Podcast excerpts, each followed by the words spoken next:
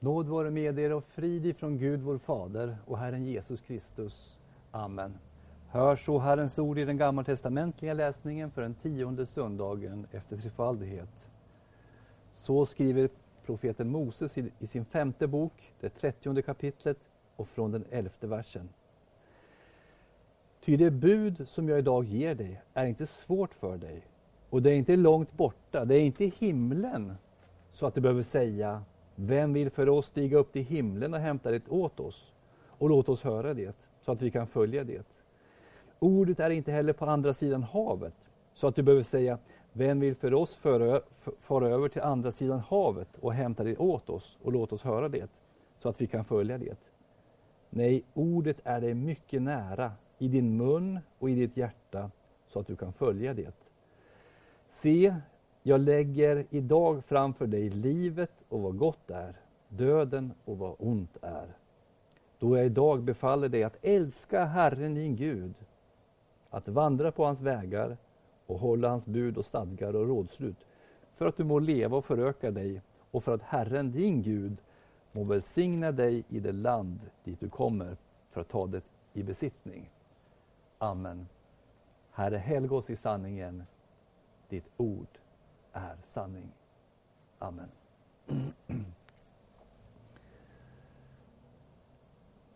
Vart ska vi fara för att uppleva mer av Gud? Den romersk-katolska kyrkan menar att vissa platser där heliga män är begravda eller där jungfrun Maria uppenbarat sig är särskilt heliga. Man vallfärdar till Lourdes, till Rom och Santiago de Compostela. 1992 fick den syrisk-ortodoxa flickan Samira i Södertälje uppmärksamhet. Det sades att Jesus hade uppenbarat sig för henne på balkongen. Och det kom helande olja ur hennes händer. 45 000 personer vallfärdade ifrån Sverige, USA, Österrike och Tyskland till hennes familjs lägenhet i Södertälje för att få del av hennes välsignelse. Och vem har inte hört talas om den danske helande predikanten Jens Garnfeldt? Han blev känd i Sverige genom kanal 10 som sänder ifrån Älmhult där han har haft mötesserier med handpåläggning och där folk faller till marken, som man säger, under Andens kraft.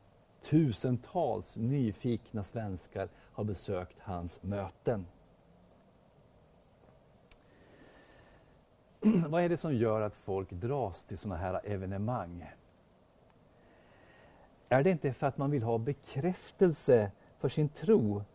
Ungefär som när fariseerna bad om ett tecken från himlen från Jesus. Jag tror att många kristna tänker att det vore häftigt att inte bara sitta med sin bibel utan också få känna och uppleva, att se och höra.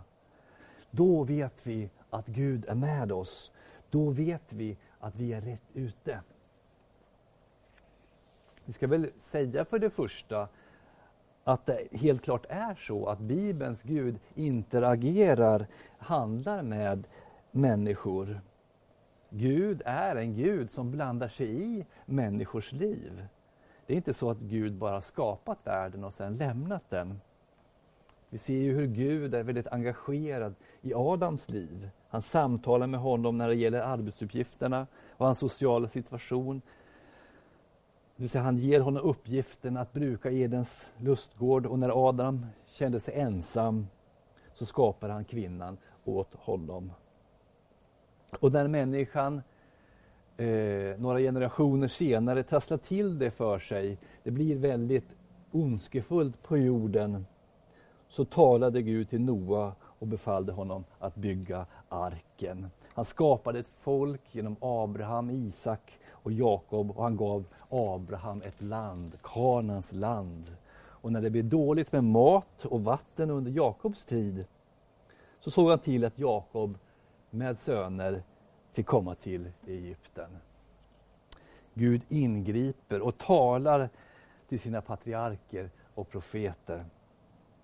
Men vi ska inte tro att han talade till dem hela tiden. Josef, han hade ingen aning om hur det skulle lösa sig när han satt i fängelse. Och han satt flera år i fängelse.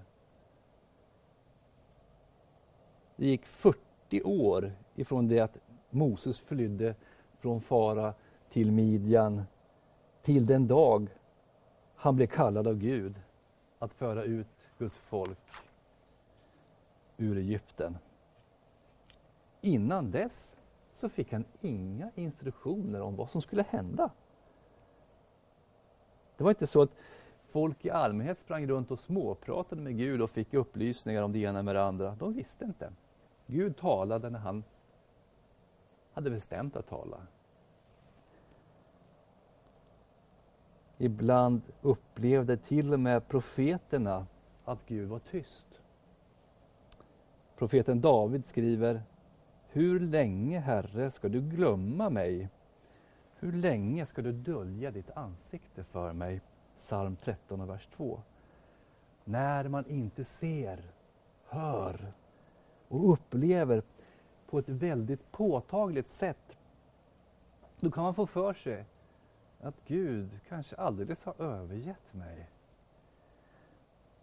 Och det är många människors största rädsla. Jag får inte höra, jag får inte se, jag får inte uppleva.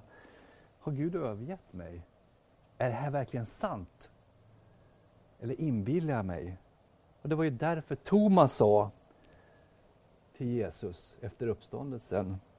Om jag inte får se hålen efter spikarna i hans händer och sticka fingret i hålen efter spikarna och inte får sticka min hand i hans sida, så kan jag inte tro. Johannes 20, vers 25. Och Det är ju en av orsakerna till att sådana skaror dras till sammanhang som lockar med fantastiska upplevelser och erfarenheter. Men Jesus hade sagt till Thomas Därför att du har sett mig, tror du.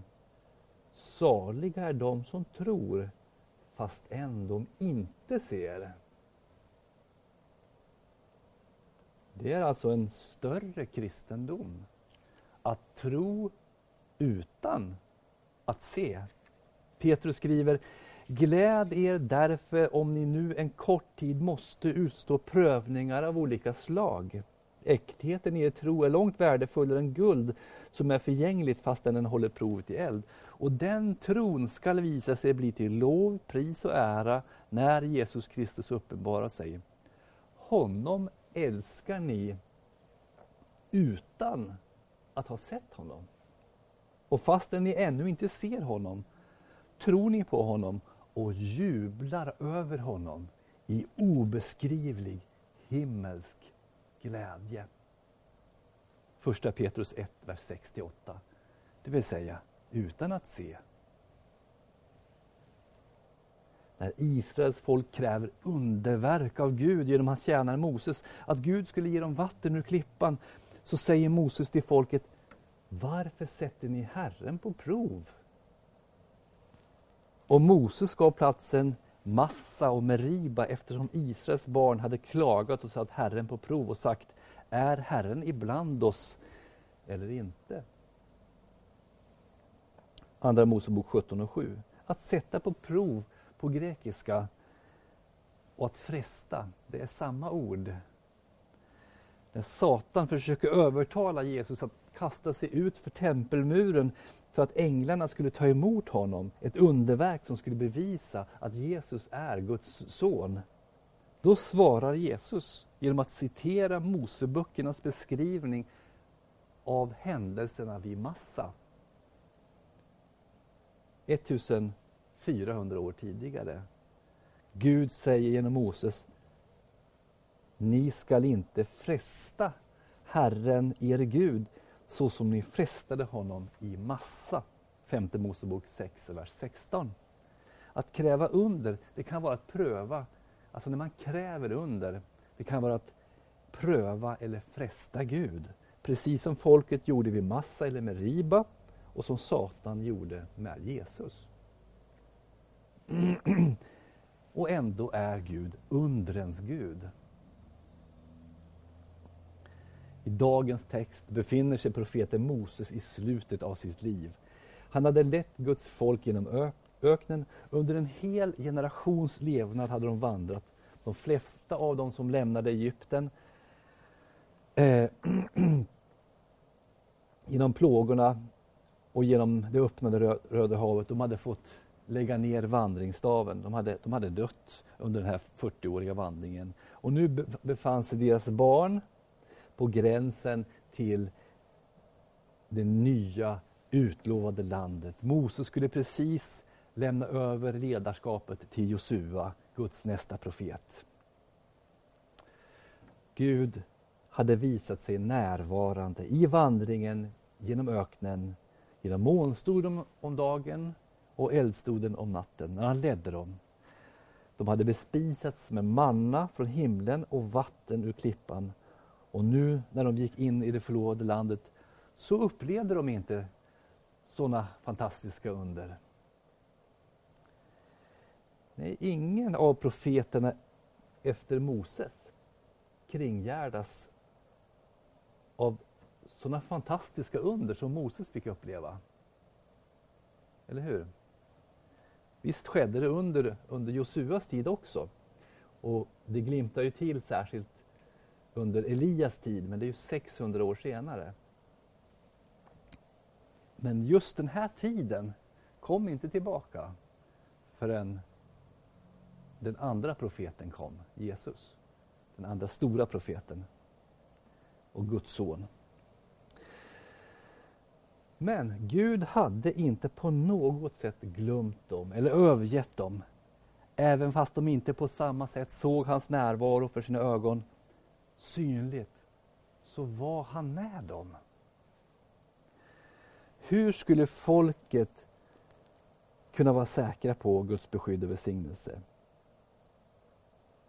Moses påminner om, om att de ska gå in i det utlovade landet, det land som han hade lovat deras fäder för över 500 år sedan. Här skulle de bosätta sig, här skulle de leva och här skulle de ha sitt hemland. Men hur skulle de kunna vara säkra på att Gud var med dem? Svaret låg i det som Moses uttrycker i dagens text. Att de lyssnade till hans bud och stadgar som är skrivna i denna lagbok och vänder om till Herren, din Gud, av hela ditt hjärta och av hela din själ. Gud är lika närvarande som hans ord är närvarande. När det talas genom profeten, när det höglästes ur skriftrullarna av leviterna och prästerna, när det upprepades av husfadern och memorerades av barnen. Moses skulle nedteckna Guds ord i lagrullen, i Torah. Den här rullen som folket hela tiden skulle bära med sig. Men måste man inte höra Guds röst i mystiska uppenbarelser, i drömmar och syner? Måste man inte gå upp på Sina i berg för att höra Guds stämma i åska och blixter, blixtar? Idag så vill människor hemskt gärna lyssna efter röster och signaler genom att lyssna inåt, genom att tolka olika känslor och händelser som Guds tecken och ledning för att man ska veta vad man ska göra, för att man ska veta att Gud är med. Gud hade lovat folket landet om de var lydiga hans bud och folket hade valt vad då? De hade ju valt den svåra vägen istället för den enkla, eller hur? De hade ju trots allt knallat runt i öknen i 40 år när man kan gå mellan Egypten och Israel på ungefär en vecka.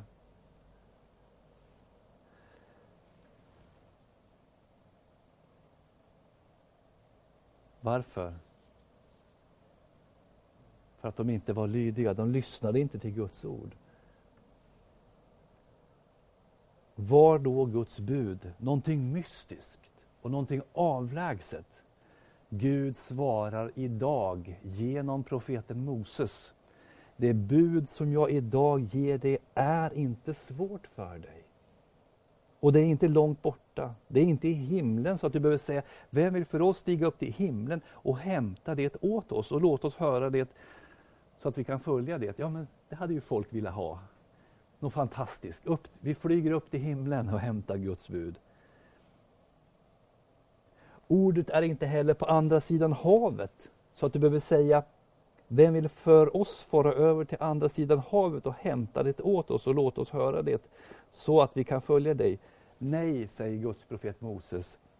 Ordet är dig mycket nära, i din mun och i ditt hjärta, så att du kan följa det. Guds uppenbarelse och ledning fanns där redan hos dem. Det fanns i deras hjärtan. De hade fått höra hans undervisning genom präster och leviter. Gud hade sagt om Levi söner, femte Mosebok 33, de tog vara på ditt ord och ditt förbund höll de. De ska lära Jakob dina förordningar och Israel din lag. Och Malaki skriver, prästens läppar skall bevara kunskap och undervisning ska man hämta från hans mun. Han är en budbärare från Herren Sebaot. Därför var budet inte långt borta. Det var inte oåtkomligt i himlen, så att man måste hämta ner det eller be något proffs att hämta det åt sig. De hade Guds ord memorerat i sina hjärtan, i sin mun. Guds profetrulle var mycket nära, säger profeten Moses. Och ändå inbillade sig folket hela tiden att Gud var någon annanstans. Och så är det också idag. Man vill fara till Livets Ord i Uppsala för att uppleva Gud. Och man vill fara till Tessé i Frankrike för att uppleva Gud. Men profeten förklarar att vi måste göra oss av med tanken på att Gud finns någon annanstans. Att Gud bara finns i det spektakulära, i det mystiska eller det i ögonfallande, om han någonsin har funnits där egentligen. För hur spektakulärt är egentligen en vandringsstav? Mose vandringsstav. En kopparorm. Eller varför inte en krubba i ett stall. Emmaus lärjungarnas hjärtan brann inte på en scen eller i en katedral utan i det stilla samtalet under vandringen på vägen till Emmaus. Några få lärjungar. När det står Han började med Moses och alla profeterna och förklarade för dem vad som var sagt om honom i alla skrifterna. Det var då deras hjärtan brann. När han gick igenom den heliga skrift. Ordet är dig nära. Guds ord. Och de fromma i Berea, de fromma judarna som vi läser om i Apostlagärningarna, i Berea, de lovordades inte för att de upplevde dunder och brak och fallanden varför sa aposteln att judarna i Berea var ädla? Jo, för att de forskade dagligen i skrifterna för att se om det kunde förhålla sig som Paulus hade sagt. I skrifterna. Och hur, var det, hur kom det sig att Timoteus visste så mycket, den unge pastorn om vilken Paulus säger, låt dem inte förakta dig för din ungdom. Var det för att han hade flödat i smörjelsen? Nej, säger Paulus. Du känner från barndomen, vad då? De heliga skrifterna som kan göra dig vis så att du blir frälst genom tron i Kristus Jesus. Och vad är det som gör gudsmänniskan fullt färdig och väl rustad för varje god gärning? Är det att kämpa i bön? är det att sjunga lovsånger i timmar. Är det det? Står det det? Det är bra att be och fasta, det ska vi göra. Det ska vi göra ofta. Vi ska be och fasta ofta. Det är bra att göra det. Men vad är det som gör gudsmänniskan fullfärdig och väl skickad? Andra Timoteus 3 och 16. Hela skriften är utandad av Gud och nyttig till undervisning, till bestraffning, till upprättelse och till fostran i rättfärdighet. För att gudsmänniskan ska bli fullt färdig, väl skickad eller väl rustad för varje god gärning. Ordet är dig nära. Moses hade förmedlat Guds lag från Sinai berg på de två stentavlorna och alla andra regler och förordningar som Israel skulle leva efter för att behålla landet. Men kunde lagen ge dem barnaskapet hos Gud? Ja, Israels historia är väl det tydligaste exemplet på att lagen i sig själv inte kan frälsa någon. För Israels misslyckades ju ständigt med sitt förhållande till Guds lag, eller hur?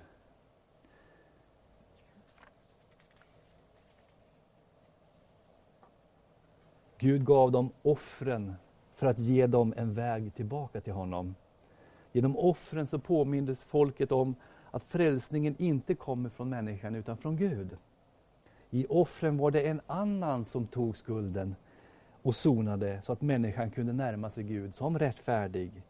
Och dessa offer hade sin kraft av det fullkomliga offret som Gud själv bar fram när han offrade sin son på korset. Och Johannes döparen pekade på honom med orden Se Guds lamm som tar bort världens synd. När aposteln Paulus därför citerar de centrala delarna av profeten Moses ord som vi har läst i dagens text, då är det inte lagen han syftar på, utan evangeliet, budskapet om Guds nåd i Kristus. Han säger, Kristus är lagens slut, till rättfärdighet för var och en som tror. Moses skriver ju om den rättfärdighet som kommer av lagen. Den människa som håller lagen skall leva genom den.